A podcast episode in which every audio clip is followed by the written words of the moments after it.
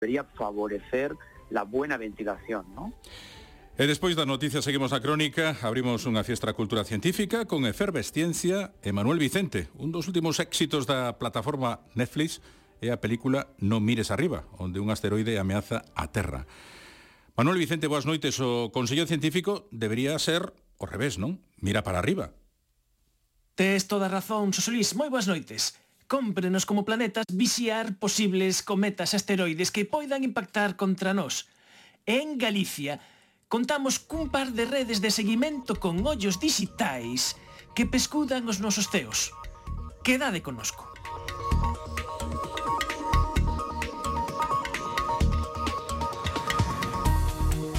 Moi boas noites, un saúdo de Borja Tosar, César Muñoz Fontella, César Goldi e Manuel Vicente somos o equipo de efervesciencia.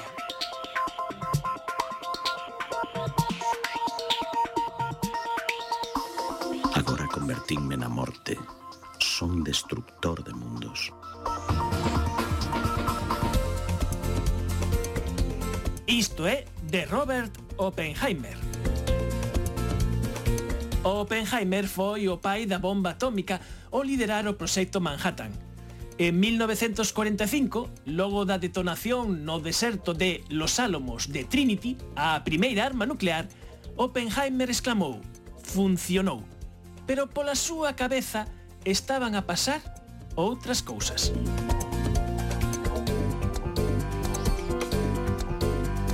Durante a explosión de Trinity, o Oppenheimer andaba a matinar nuns versos hindús, o Bhagavad Gita, Se o resplandor dun millar de soles brillase en unísono no ceo, sería como o esplendor da creación. Pero logo, a súa mente levouno insistentemente a outra pasase do poema. Agora convertínme na morte, son destructor de mundos. Logo da Segunda Guerra Mundial, Oppenheimer traballou activamente en contra da proliferación nuclear. Perdeu todos os seus privilexios científicos e foi arrosado ao ostracismo nos tempos do senador MacArthur, tanto polas súas inquedanzas pacifistas como as súas simpatías comunistas. Con todo, nunca chegou a renegar da súa participación na bomba. Quen diría que logo da Guerra Fría e avanzado o século XXI, o medo nuclear ten regresado para se instalar novamente nas nosas mentes. Benvidos á efervesciencia. Hai outros mundos, pero están neste. Efervesciencia. Doses de ciencias en contraindicacións. Patrocinado pola FECIT, Fundación Española para a Ciencia e a Tecnoloxía, Ministerio de Ciencia e Innovación, unha colaboración da Universidade de Santiago e a Radio Galega co apoio da Axencia Galega de Innovación da Xunta de Galicia.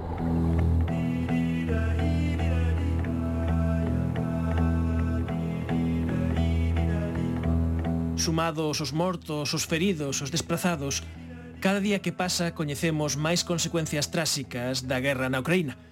Óscar Mesa, moi boas noites. Hola, buenas noches. Óscar Mesa é o CEO de Qualitec Pharma, unha empresa biotecnolóxica que te sede en Madrid que vos dade servicio a outras empresas do sector farmacéutico. Sí, efectivamente, somos una, lo que se denomina en el sector una CRE, una Clinical Research Organization, somos una, empresa eh, más que biotecnológica que trabaja con proyectos entre otros, sí, por supuesto, de biotecnología, pero somos una empresa eh, que nos dedicamos a, a, la investigación, lo que se llama investigación por contrato, es decir, eh, realizamos proyectos de investigación clínica para nuestros clientes, que son los laboratorios farmacéuticos que desarrollan las moléculas, los tratamientos del futuro. Uh -huh.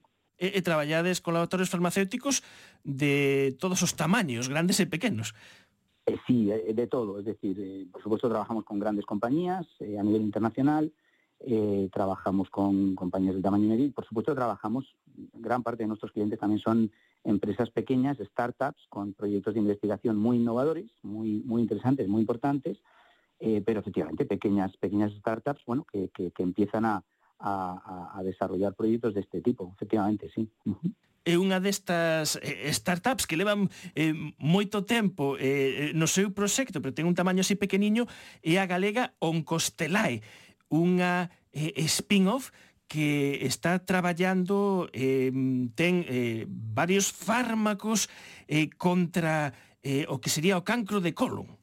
Bueno, eh, para ser exacto, sí, efectivamente, Compostela es una compañía eh, startup pequeña con sede en Santiago de Compostela, en Galicia, eh, y bueno, es una de las tantas compañías startup que bueno, eh, apuestan por la investigación, apuestan por la innovación eh, y actualmente efectivamente tienen un proyecto de desarrollo de una, de una terapia nueva, de una terapia alternativa.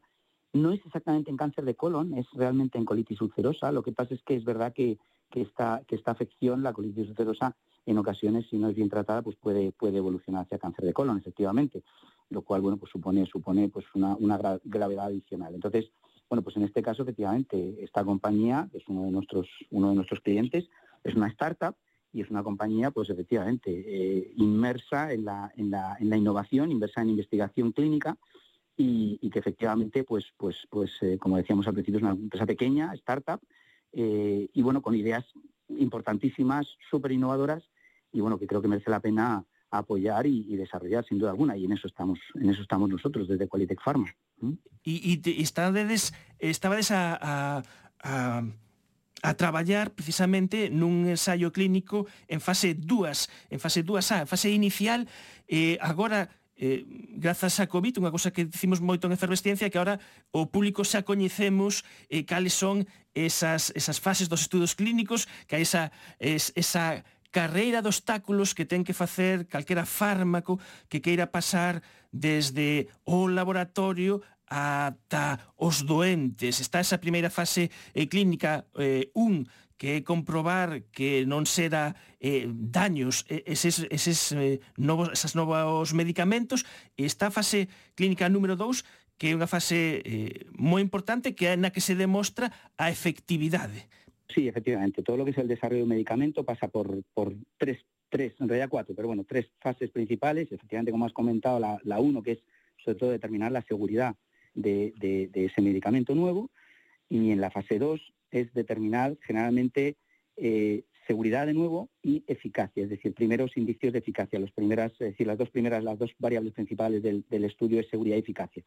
Entonces, en este caso, pues efectivamente estamos en un, en un ensayo en fase 2 a medida que se va avanzando en estos procesos, pues lógicamente eh, el nivel de compromiso eh, y el nivel de inversión es, eh, va creciendo cada vez más, ¿no? Entonces, esto es lo más importante, lo más complicado y lo más, lo más difícil pues para, para, las, para las empresas farmacéuticas, ¿no? Tanto si son grandes como si son pequeñas. Es decir, una vez, digamos, alcanzada la fase 1, sabemos que por lo menos el medicamento es seguro, ese producto es seguro y cuando terminamos la fase 2, eh, por lo menos sabemos, confirmamos la seguridad y empezamos a ver, eh, empezamos a tener indicios de, eficacia. Y a partir de ahí vendrá una fase 3, que es una fase con muchísimos más pacientes, entre cientos y miles de pacientes a nivel internacional, eh, que ya, digamos, determinará con una significancia estadística muy importante la, la, eficacia del medicamento. Entonces, en este caso, pues sí, efectivamente la compañía estamos desarrollando una, una fase 2 de este producto y bueno, la mayor parte de los centros implicados, de los hospitales e investigadores principales del, de este proyecto están en España, pero efectivamente hemos, eh, como, como, es muy habitual en, en investigación clínica, eh, bueno, hemos, hemos tenido que salir fuera de España y buscar centros a nivel internacional en otros países para seguir reclutando pacientes. en este en este punto es en el que estamos actualmente, sí. Uh -huh. E neste caso, eh, que, que a cuestión da, da actualidade eh, que unha eh, parte deste estudo eh, fase clínica 2 deste fármaco contra a colite ulcerosa, deste fármaco desenvolvido por Oncostelae en Santiago de Compostela, se desenvolver en Ucrania. Eh, correcto. Los países del este son países muy interesantes donde, donde el reclutamiento de pacientes, el reclutamiento de pacientes en, en investigación clínica en general, sea el área terapéutica que sea, es un, es algo, es un proceso tremendamente complicado. ¿no? Reclutar pacientes es algo muy complicado en todos los procesos de investigación. En este caso no podía ser menos, lógicamente, y bueno, pues como he dicho antes, eh, pues hemos, hemos salido eh, fuera de nuestras fronteras para iniciar el reclutamiento de pacientes en otros países y en este caso, finalmente se decidió que fuese Ucrania. Ucrania es un, es un gran país donde, donde la investigación clínica se desarrolla de forma muy eficaz. Hay muchísimos ensayos clínicos en marcha en Ucrania, alrededor de 700, 680 ensayos clínicos ahora mismo corriendo, bueno, ahora mismo ya corriendo no lo sé, pero, pero por lo menos estaban en marcha hasta hace bien poco eh, en este país.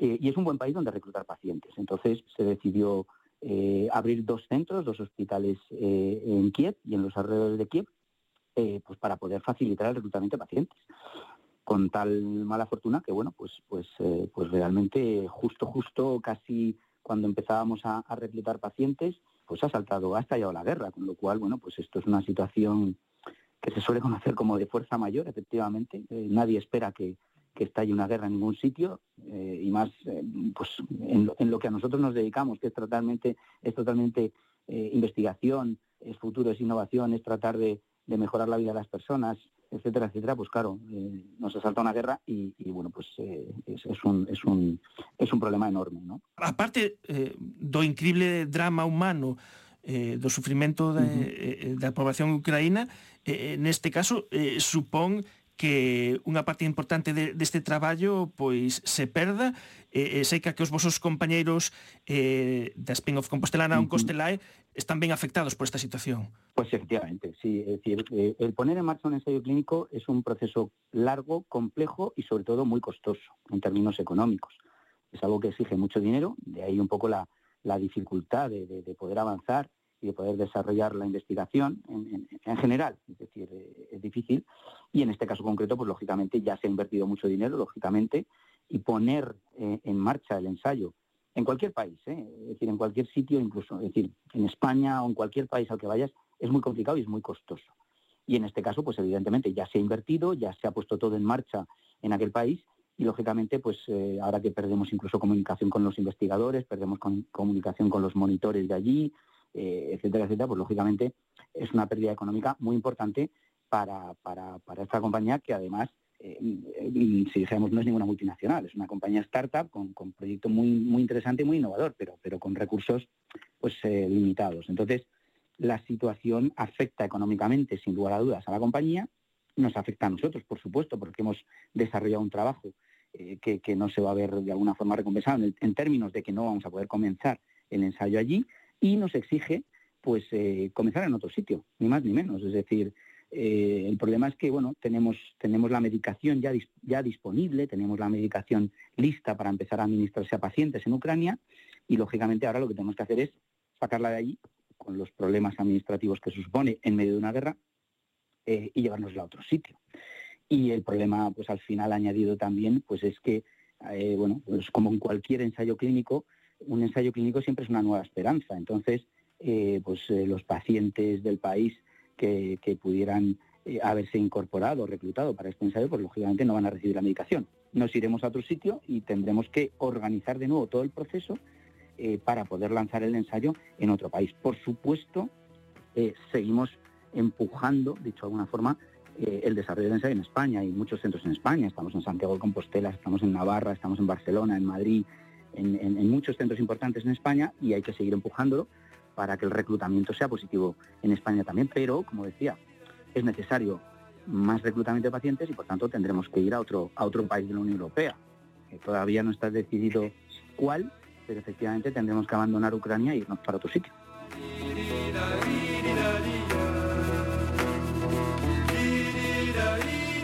Pois eh, coñecemos eh, cale eh, a situación deste ensaio clínico mm, que realizan conjuntamente Oncostelae e, e Qualitec Pharma que tiñan planificado realizar contra a, a eh, colite ulcerosa na Ucraína e que pola guerra foi cancelada e que nos dá unha imaxe deses eh, 700 ensaios clínicos que probablemente todos eles eh, teñen que ser cancelados pola guerra e coñecemos esta situación da man de Óscar Mesa que é o CEO de Qualitec Pharma. Óscar, muchísimas gracias por atender a chamada de Fervesciencia. Claro que sí, muchísimas gracias. Buenas noches.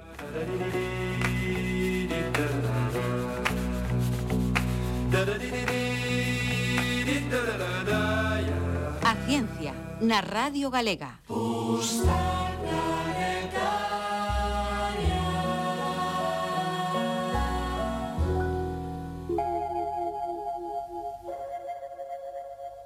xa son maiores de idade as postais planetarias de Borja Tosar na Casa das Ciencias. Desde hai 18 anos, os últimos sábados de cada mes, ou as persoas que queren coñecer máis sobre o noso sistema solar e máis alá, teñen unha cita ineludible no Planetario da Casa das Ciencias. Unha cita que nestes dous últimos anos tornouse en cita virtual Borja Tosar. Moi boas noites.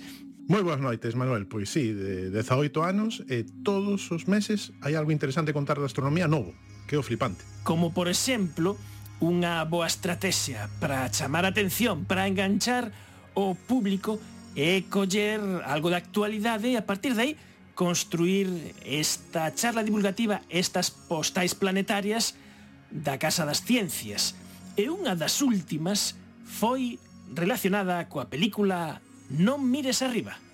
Non mires arriba un dos eh, filmes da plataforma Netflix que ten unha relación moi evidente co mundo da astronomía. Un asteroide encamíñase cara a Terra e hai algo que facer? Os astrónomos sempre decimos o mesmo, chegado neste momento no que dices, hai algunha posibilidade de impacto de algún asteroide, algún meteorito contra a Terra que poda poñer todo en perigo? A pregunta non é se hai unha posibilidade, a pregunta é cando vai pasar. Isto pasou durante a historia da, da, da vida, durante un montón de veces, antes da vida, e durante a historia do universo, e vai volver a acontecer. Sabemos que esta, as caídas de asteroides cometas eh, de dimensións considerables han ocurrir porque xa pasou no pasado. A boa nova é que observamos o ceo observamos o CEO todos os astrónomos con novos surveys ou novos sistemas eh, robóticos que están escaneando o CEO todo o tempo, ou sí que sabemos que os grandes, os asteroides e os meteoritos que poden facer unha destrucción global do planeta, os temos localizados case todos, ou o porcentaxe de, de, deste tipo de objetos que nos queda por descubrir é moi baixo. O sea que podemos decir con seguridade que podemos estar tranquilos en canto a que un destructor total que acabe con toda a Terra e que destruya todo, pois non vai acontecer en séculos, casi seguros eh, estamos convencidos desos. Pero un pequeniño que poda facer unha destrucción local dunha zona pequena, dunha cidade e tal, non sei que, Eso sí que pode acontecer nas próximas décadas ou nos próximos anos podemos atopar un destos. Entonces temos que seguir eh, mirando arriba. A, ata aí non moitos anos o labor dos astrónomos afeccionados para a detección das trasectorias desta clase de obxetos que poden poñer en perigo eh, a terra ou un territorio importante da terra, era unha contribución moi importante, pero como dis, agora eses traballos están automatizados, mecanizados, e digamos que se algún quere ser un astrónomo que viva de descubrir esta clase de corpos, agora ten pouco futuro. De feito, non é que fora moi importante, é que era o único que había. And, eh, fai uns anos, os únicos que estaban buscando no ceo se había algún meteoro, algún neo, algún obxeto eh, eh, cercano á Terra que podía impactar contra a Terra, eran astrónomos prácticamente aficionados a través do Minor Planet Center. De feito, un dos mellores eh, colegas que teño, que é Rafa Ferrando, ten 600 descubertos, o sea, descubrir 600 eh, destos cousas que pululan por sistema solar que poden chocar contra, contra a Terra, non? Entonces, que pasou? Que apareceron os surveys como Catalina, e a Panstar, e apareceron un montón de surveys e de telescopios automatizados que están se abre a cúpula pola noite, empezan a escanear todo. E con esos surveys, pois a labor destes astrónomos eh, xa non é necesaria, de feito ora Rafa Ferrando xa non descubre asteroides porque descubren todos os robots. Isto é bo porque temos o ceo mellor controlado, mellor controlado que nunca desto deste risco planetario, non? Pero perde un pouco a ese ese ese punto eh, poético do astrónomo descubrindo cousas, non? Por, por a cambio de robots. Por el cometa Diviaski, ¿vale? Por sí, por Salud. A ver, mira, tiene que ser un cometa de la nube de Oort, si nos basamos en lo que has visto. Sí. Seguramente la última vez que estuvo tan cerca del Sol no existía la civilización humana. Mira el arco que traza, es alucinante. ¿Cómo podemos saber la velocidad del cometa y la órbita, profesor Mindy? Es una buena pregunta. Uf, Esto va a ser divertido. No hago dinámica orbital desde el posgrado. A parte astronómica da, da peli é bastante verosímil, non? Hai momentos moi verosímiles. De feito, o momento do descubrimento, cando están aí mirando polo telescopio, escoitando música no que parece unha noite bastante intrascendente, unha noite cotiá, unha cousa de, de diario prácticamente, non? Unha cousa que parece totalmente frívolo. De pronto de, descobrir algo super eh, novo e de pronto darte conta de que estás descubrindo un cometa novo, non? pois é bastante parecido a o que nos contan os que descubren este tipo de cousas, de pronto pasa algo así, non? O da pantalla, os astrónomos non temos moitas pantallas, pero pantallas eh, tan grandes non porque non temos cartos, non? Pero se fai dese, desa forma, cas estrelas de fondo se poñen varios momentos de do xeto desconocido, se ve como se move con respecto ás estrelas de fondo, Entón moi ben. De feito, o único falliño que ten aí que os astrónomos, cando observamos nun, nun observatorio, non estamos ao lado do telescopio, senón que estamos nunha sala de control porque o telescopio está a temperatura da noite, que eso eh, é bastante frío. Entonces, normalmente estás ca calefacción, porque se pose unha calefacción ao lado do telescopio non se ve nada. Pero está é, é moi moi exacta, é, é moi chula eh, esa escena, eh? E unha escena na que Leonardo DiCaprio o protagonista, o investigador principal que ten que advertir a humanidade que non lle fan caso de que se aveciña unha amenaza contra a Terra, ten un, máis que un dobre de acción, un dobre de encerado. Eso é unha cousa que eu creo que é unha, unha cousa nova eh, nas películas, un doble de pizarra para cálculos matemáticos.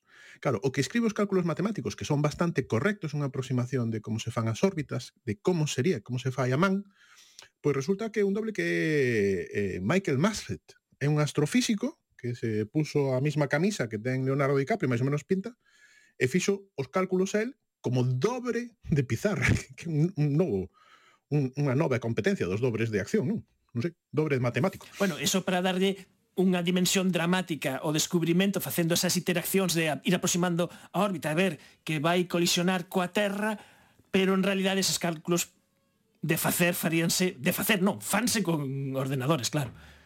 Bueno, teño, teño un colega que Rubén que me dixo precisamente, me dice que, que lle gustou moitas escenas porque el faría así. El, el non é astrofísico, pero traballa en cosas de astronomía. Entonces me día, Pois eu faría así, de feito agradeceu que en principio os astrofísicos moitos facemos as cousas así, non? Porque é máis, eh, non sei, manexar os datos ti na pizarra e tal. Eu teño unha pizarra aquí ao lado, que as, as pizarras son moi de, de xente que, que fai cosas de matemáticas. Falábamos de que estamos ollando para o ceo, monitorizando precisamente que nos veñan eh, estes, eh, estas pedras do espazo eh, que non podan ocasionar grandes destrozos, porque contamos coa ventaxa de que eh, canto máis grande é a pedra, máis dano pode facer, pero por outro lado é máis doado de detectar con antelación. Sí, de feito, unha cosa que, que fixo o Congreso dos Estados Unidos, eh, preocupado por isto, dixo a NASA, tens que descubrir o 90% dos asteroides e eh, objetos que poden colisionar ca Terra perigosos, non? Que é unha cosa moi rara, eso, eso só pasa nos congresos, que te dicen tens que detectar un 90% de algo que non sabes o total, non? Pero bueno, se fixe unha, unha misión tremenda que o Neowise, un catálogo brutal, de un escaneado, os, os, os, os surveys, e de pronto nos atopamos con que seguro, pensamos que desos obxetos de máis dun kilómetro debemos co coñecer al menos, eh, no peor dos casos, nove de cada dez. Ese de aparecer algún novo significaría que estaba nunha zona difícil de observar o lonxe, Eh, polo tanto, o máis probable que se ven en rumbo de colisión eh, tardaría moitísimo tempo, moitísimos séculos en colisionar. Por iso dicimos que podemos estar relativamente tranquilos, por menos, dunha destrucción total do planeta, como sale na peli. E desde Galicia contamos con cámaras que están pola noite grabando, facendo vídeos do ceo para ver eh, as trasectorias de, de bólidos que digamos que serían como estrelas fugaces xa máis potentes ou de posibles eh, pedras que cheguen a tocar chan e que se sean meteoritos. Sí, unha, unha das redes que coñezo ben porque montei a estación que hai na Casa das Ciencias é a rede, a rede de José María Madievo, do, do proxecto SMART, que é un proxecto no que Madievo, que depende do Instituto de Astrofísica de Andalucía, ten varias estacións de cámaras que están todas as noites grabando o ceo constantemente, intentando detectar estrelas fugaces, ou meteoros, como decimos os astrónomos.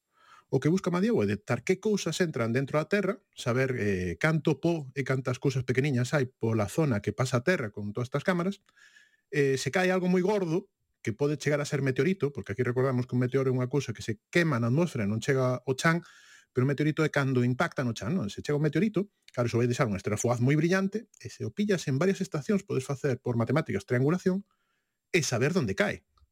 De feito, fai un par de anos, caeu un meteorito pequeniño eh, no páramo, cerca de Sarria. E recuperouse. Recuperouse un trozo. De feito, veu xente de todos lados, de Cataluña, de Holanda, de, de, de Madrid, de, de, de, veu tamén eh, José María, veu un montón de xente intentando, porque se, se detectou eso, as cámaras detectaron isto, as cámaras de Madiego, as cámaras de IGM, as cámaras da, da red de, de Redespa, que hai un montón de cámaras visillando todo isto, non? entonces vi, veu toda a xente e sí que atoparon ese trociño. De feito, atopouno un señor que lle caeu nun fallao, porque se caeu no páramo, ali en Sarria, un, unha pedriña, como o máis probable que caiga nunha silveira.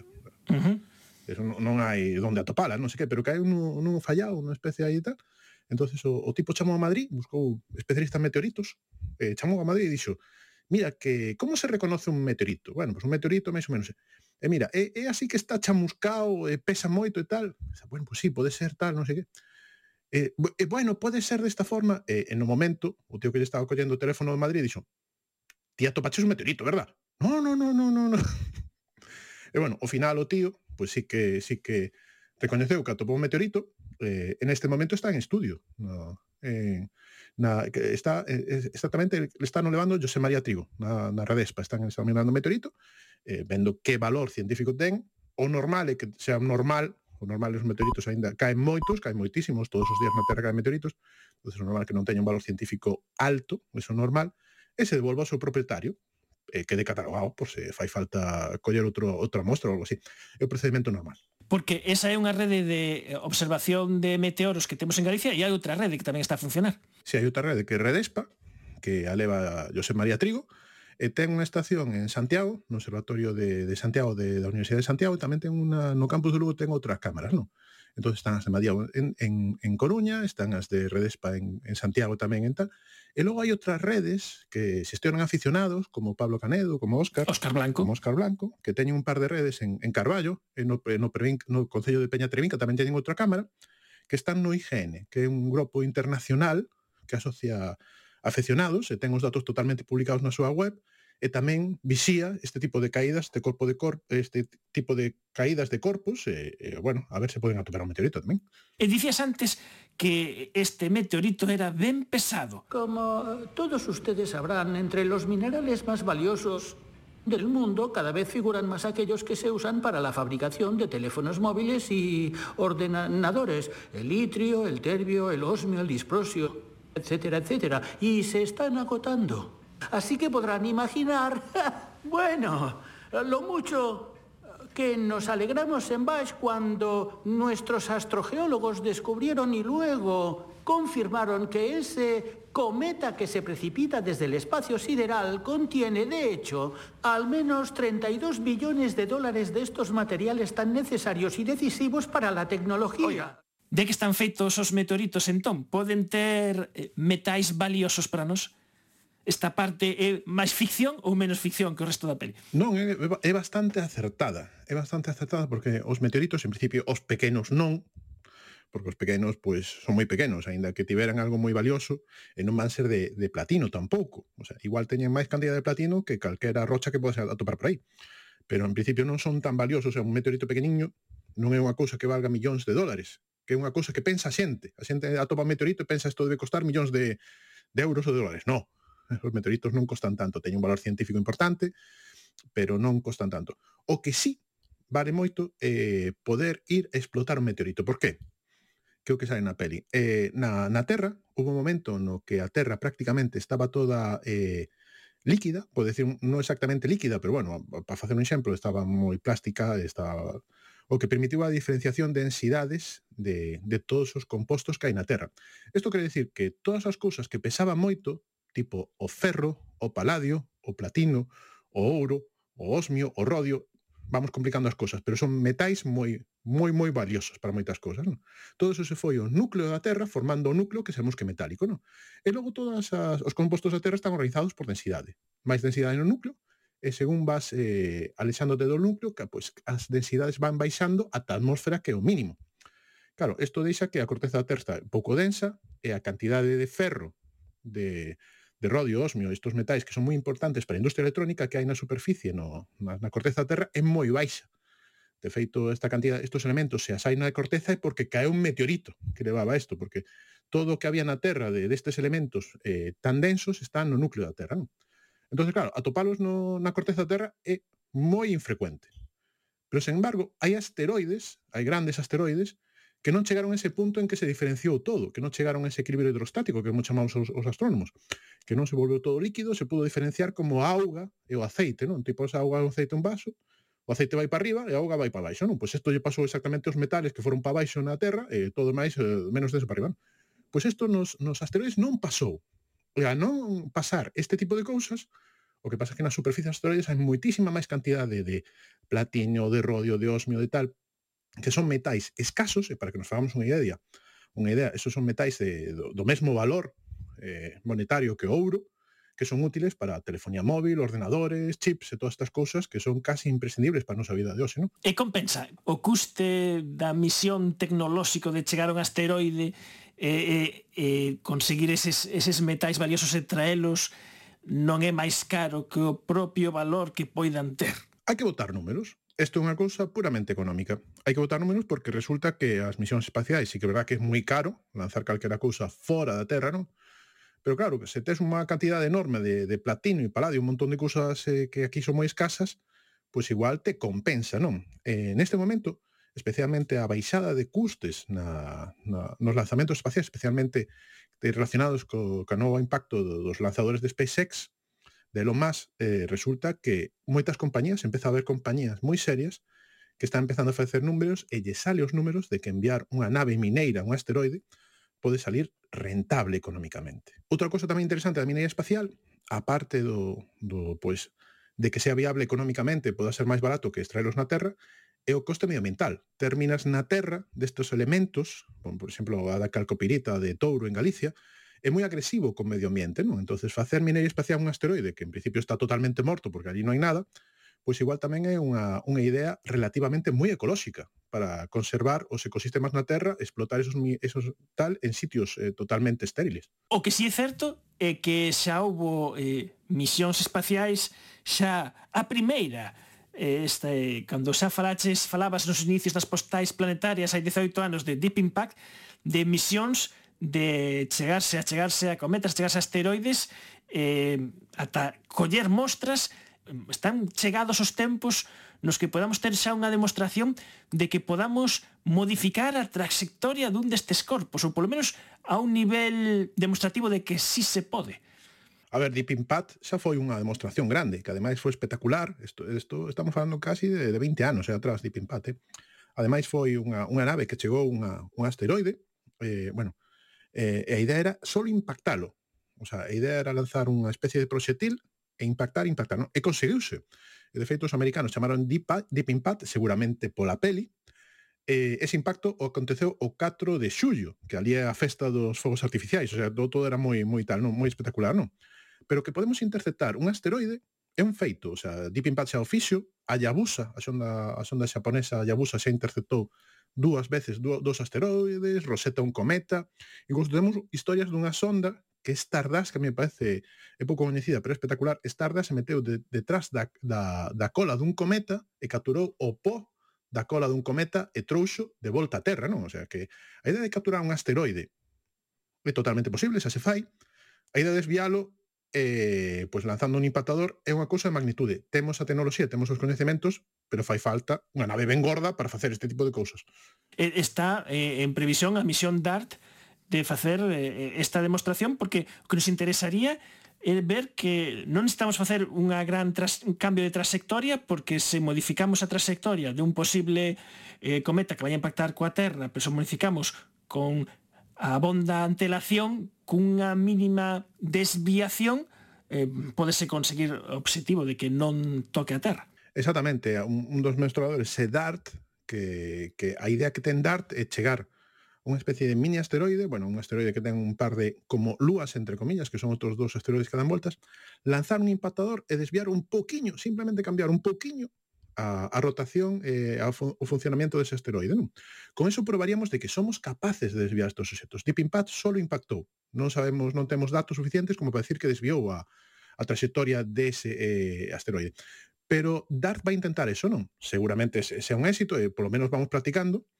Eh, o punto é que, tendo esta tecnoloxía, cunha mínima desviación décadas antes ou, ou, ou centos de anos antes de, do impacto, esa desviación é acumulativa e cunha pequena enerxía que, que aportes a un obxeto que ven en rumbo de colisión da Terra moitos anos antes é suficiente como para desviálo, non? Se esperas ata o último momento, te fará falta moitísima máis enerxía e moitísimo máis impacto. Non? Por iso hai que vixiar tanto o CEO e ter todo este tipo de demostradores xa funcionando e ese coñecemento xa listo para cando faga falta. Unha boa noticia é que eh, na, na película Non mires arriba a amenaza é a seis meses vista Eh, e quizáis é unha das partes eh, que ten menos sustentación científica porque no caso de que veña unha pedra dese tamaño de varios kilómetros haberíamos con mai, moito máis tempo de antelación. Sí, aí é un dos puntos, dentro dos puntos fracos da película, o sin dúbida o máis gordo, bueno, o punto fraco máis gordo, bueno, o peor punto da película, sen dúbida, é justamente ese que precisamente asesora de realismo en esta película, que Amy Meiser, que astrofísica, decía que ese era, comentaba, codirector, que decía, oye, esto es muy, esto es prácticamente imposible. Un cuerpo de ese tamaño, tan grande como la película, que vai facer unha destrucción tan grande, se detecta no peor dos casos décadas antes do impacto. Non? En seis meses é totalmente imposible porque temos todo, sabemos que temos todo CEO escaneado. Eso ten que, que estar, ten que haberse escapado algo porque estaba moi oculto, moi longe, non?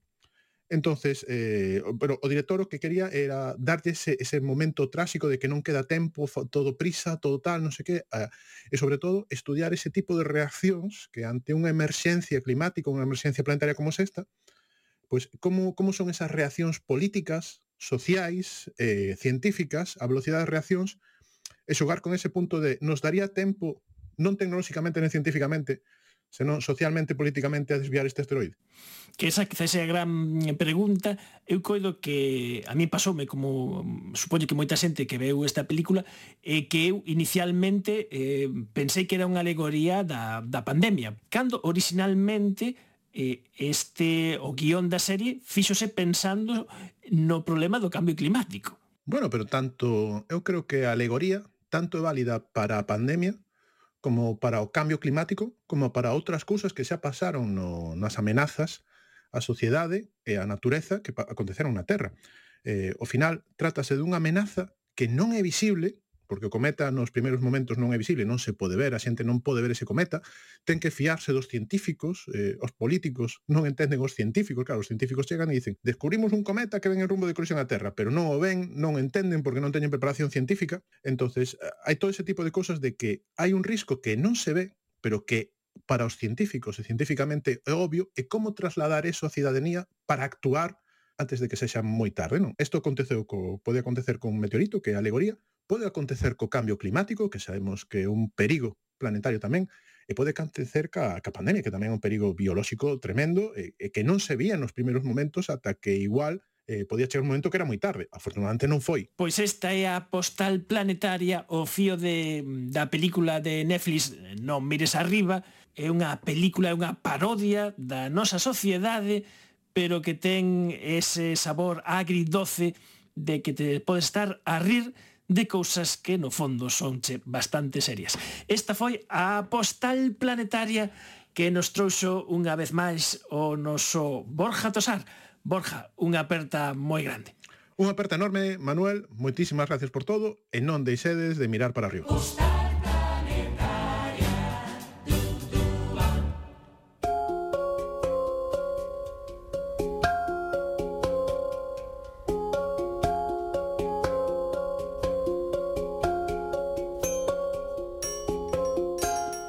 psicólogo de cabeceira de Efervesciencia é César Muñoz Fontela. Moi boas noites, César. Hola, boas noites, Manuel, que tal? Like a virus needs a body as soft... César Muñoz, eh, el é investigador no Instituto Bernard Notch de enfermedades tropicais e tamén actualmente está traballando para a Organización Mundial da Saúde no grupo Blueprint, que é un grupo que de acción global para a prevención de pandemias acelerando o I más D. Antes de empezar a nosa sección de historias de virus a, a velos ainos, tamén un apuntamento neste caso positivo é que a iniciativa de vacinación COVAX patrocinada pola Organización Mundial da Saúde xa realizou o que serían mil millóns de inmunizacións. Sí, fíxate que dende a, a última vez que, que falamos estábamos a discutir que, bueno, que, que había un pouco de de controversia que, que COVAX que se, se pensaba que era un fracaso e demais eh, agora temos esta situación que, que gracias a COVAX eh, están eh, se, han, se han distribuído mil mil millóns de, de, de vacinas no mundo e, e bueno, é algo que creo que é moi é moi positivo eh, que realmente ten, teña, teñan esta, nest, nestos países acceso ás, ás vacinas como, como, como deben. ¿no? En, entón, en ese sentido, creo que COVAX ha, ha xogado un papel un papel importante, sí. Bueno, dicen mil millóns de inmunizacións, en este caso sería entonces mil millóns de, de, de doses, de pinchazos. De doses, de doses, sí, sí, sí. Vale, entonces reducimos a metade, entón, a esta inmunización. Sí, pero bueno, aún así... Sí, pero bueno, aún así, aún así eh, creo que un número, un número importante, sobre todo pola, pola cantidad de, de, de países que, que, donde estas vacinas están, es, se están a, a distribuir. E penso que mm, isto pode tener un impacto tamén importante no control, digamos, global da, da pandemia, non?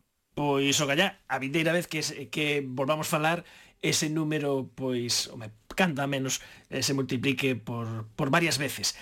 E chega o momento de abrir a nosa xanela as nosas historias de virus, as historias de virus que nos conta César Muñoz Fontella, na que descubrimos como cambiaron a historia diferentes microorganismos.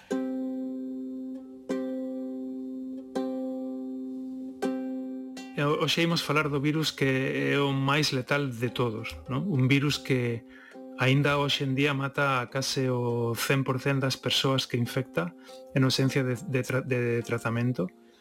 É un virus, ademais, que causa unha enfermidade neurolóxica mitificada e terrorífica realmente que non só nos afecta a nós, senón tamén aos nosos animais de eh, eh, compañía, non? Durante a Guerra de Troia, relatada na Iliada, Homero describe o momento no que Héctor é posuído polo deus Ares, deus da guerra, en quen se encarna e cuya furia animal e salvaxe os gregos chamaron Lisa, derivado de licos ou lobo. Esta furia animal tamén a adquire Aquiles noutros poemas da Iliada. Nunha vasilla da antigua Grecia aínda se pode ver hoxe a imaxe de Arteón devorado polos seus cans, que se volveron tolos polo poder de Lisa. Son os primeiros documentos históricos que falan do Lisa virus máis famoso e terrible, o virus da rabia.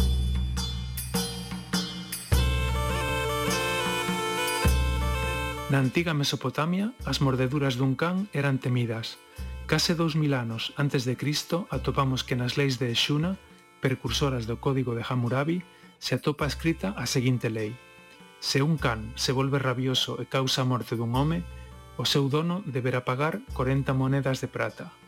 Se en cambio o can mata un escravo, o dono deberá pagar 15 moedas de prata. Nestes escritos iniciais, sobre todo en Sumeria, Tamén atopamos as primeiras descripcións da hidrofobia, a manifestación de pánico terrible á auga que caracteriza as últimas fases da rabia e que xera terribles convulsións nos enfermos a vista da auga. Nun escrito sumerio rógase ao sacerdote que use a súa maxia para purificar a auga, expulsando así o veleno que asusta ao paciente.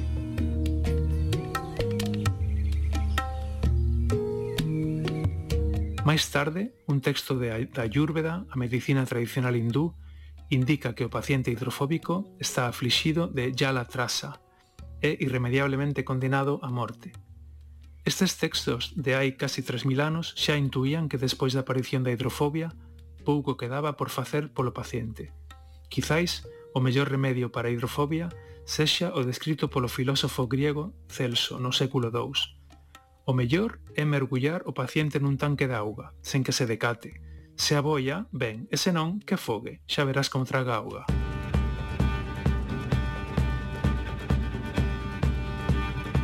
A rabia era tan temida na Idade Media que a San Huberto de Lieja, o patrón dos cazadores, se lle atribúe tamén o papel de santo protector contra a rabia. Era tal o poder que se lle confería a este santo que a clave de San Huberto se utilizou ata 1919 como un remedio tradicional contra a rabia. Consistía nun cravo de metal que se quentaba e se presionaba na zona onde a persoa fora mordido por un can rabioso. Tamén se utilizaba esta clave para marcar os cans como unha medida de protección contra a loucura.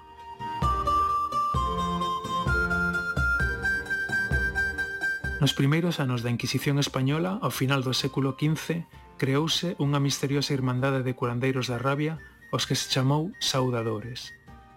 Este grupo de curandeiros viaxaba de vila en vila ofrecendo remedios curativos contra a rabia, xa que, segundo afirmaban, foran bendicidos polos santos, en particular por Santa Catarina de Alexandría. A través do poder de Santa Catarina, comentábase que os saudadores podían curar a rabia tapando a ferida coa súa saliva ou o seu alento. Ao principio a Inquisición considerounos como herexes e algúns foron executados. Porén, debido ao seu carácter nómade e que se lles deixaba entrar libremente nas casas, pronto a Inquisición empezou a utilizalos como espías para detectar bruxas e herexes. Este pode ser un dos primeiros exemplos de como o medo a unha enfermidade se pode utilizar pola maquinaria política dun Estado.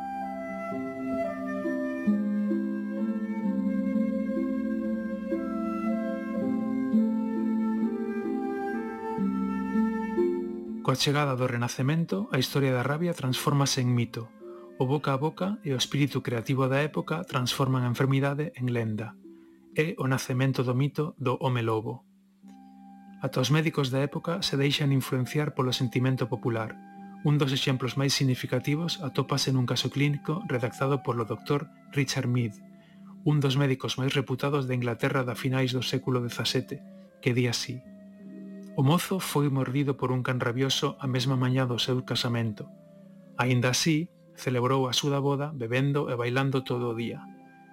A noite, a lúa chea agrandou as súas faccións e otorgoulle saúde. Porén, a mañana seguinte, atopóuselle no leito ouveando como a un lobo e viron como devorara a súa esposa.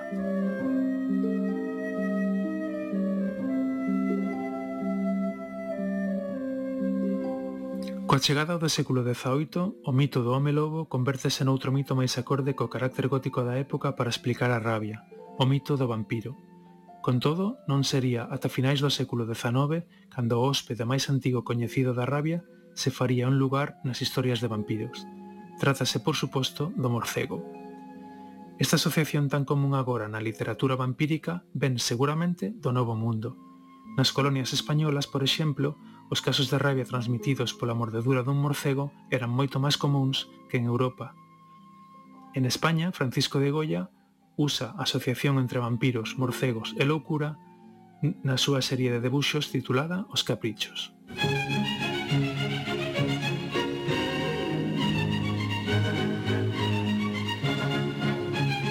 A partir do século XIX entra nesta historia un personaxe que vai cambiar para sempre non só a historia da rabia, senón de todas as enfermidades infecciosas en xeral. O seu nome, Luis Pasteur. Pasteur tiña marcado na súa memoria un caso de rebia causado pola mordedura dun lobo que observara cando tiña nove anos. Decidira entón dedicar todo o seu esforzo a topar unha cura para esta terrible enfermidade. Inspirado pola vacina creada por Edward Jenner contra a varíola, Pasteur quería obtener unha vacina contra a rabia usando mostras atenuadas do axente infeccioso da enfermidade. Non era unha tarefa fácil conseguir estas mostras. A única fonte naquel momento era a saliva de cans rabiosos. Contan os axudantes do mestre Pasteur que a estratexia era inmobilizar o can rabioso por medio de dous homes, mentres un terceiro obtiña a mostra de saliva. En cada sesión, un revólver cargado estaba ao alcance dos valentes – En caso de fatal mordedura, ao infortunado esperáballe unha bala na cabeza para aliviarle o sufrimento dunha morte segura e terrible. A saliva de can rabioso inoculábase entón nos coellos, cuyo tecido nervioso se secaba posteriormente no laboratorio. É un dos primeiros exemplos do que hoxe en día chamamos unha vacina atenuada. Nestas vacinas, o virus está, entre comiñas, vivo e é recoñecido polo noso sistema inmune pero perdeu a capacidade de nos enfermar.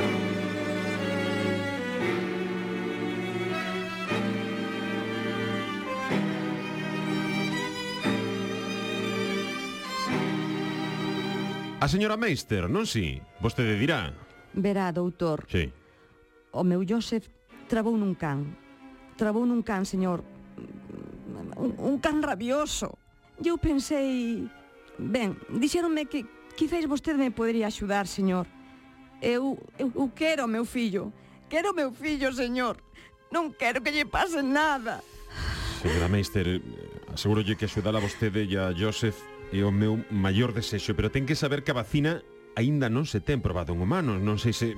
Sei no, sei no ben, señor, sei no, pero o meu Joseph só ten nove anos. Sen esa vacina non ten ningunha posibilidade de sobrevivir. Por favor, señor, por favor, salve o meu fillo, suplico yo. Non hai ningunha certeza eh, de que vaya a funcionar. Eh, é posible que a vacina só incremente o seu sufrimento. Eu non estou seguro eh, de que sexa unha boa idea. Doutor Pasteur, o meu fillo e máis eu levamos percorridos máis de 500 kilómetros para chegar ata aquí. Antes diso, Joseph soportou que lle cauterizasen as feridas.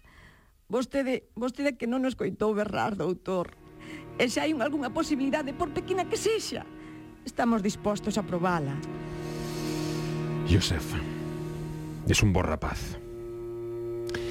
Señora, volva esta tarde ás 5. O primeiro ser humano ao que se lle administrou a vacina de Pasteur foi un neno de nove anos chamado Joseph Meister, inmediatamente despois de ser mordido por un can rabioso.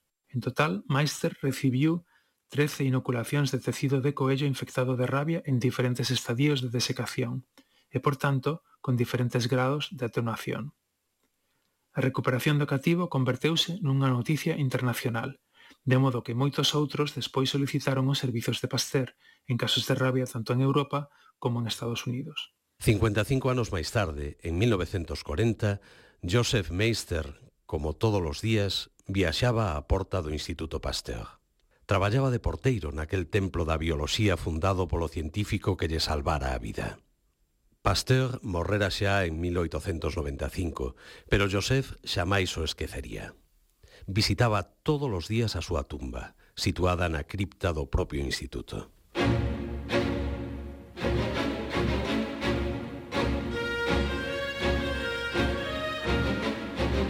Eran días escuros. Os nazis invadiran París. Nas rúas respirábase a angustia, o medo. A guerra era peor que un virus. Non había vacina que puidese evitala, nin medicamento que detivese o seu avance.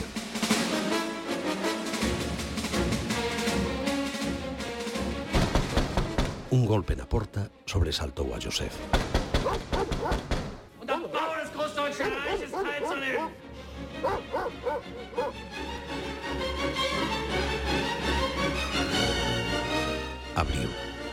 Un grupo de soldados alemáns, co desprezo pintado na ollada, ordenáronlle co seu extraño acento cos deixase pasar. Joseph negou coa cabeza, decidido. Eles insistiron, alzaron a voz. Querían entrar na cripta. Meister negouse de novo. Pero eles forzaron a porta e entraron. Joseph intentou defender a cripta, pero os seus 64 anos non estaba en condicións de loitar contra un grupo de soldados. Deixáronno deitado no chan sen grandes dificultades. Irónicamente, en 1940, Joseph Meister era o vigilante do Instituto Pasteur cando os soldados da Alemanha nazi entraron no edificio. Xa fose polo desalento causado pola invasión ou por non poder protexer a cripta onde se achaban as cinzas do seu salvador, Meister marchou á súa casa e suicidouse. Pasteur salvara o da rabia, pero nin el nin ninguén conseguira facer nada contra a peor das enfermidades humanas, a guerra.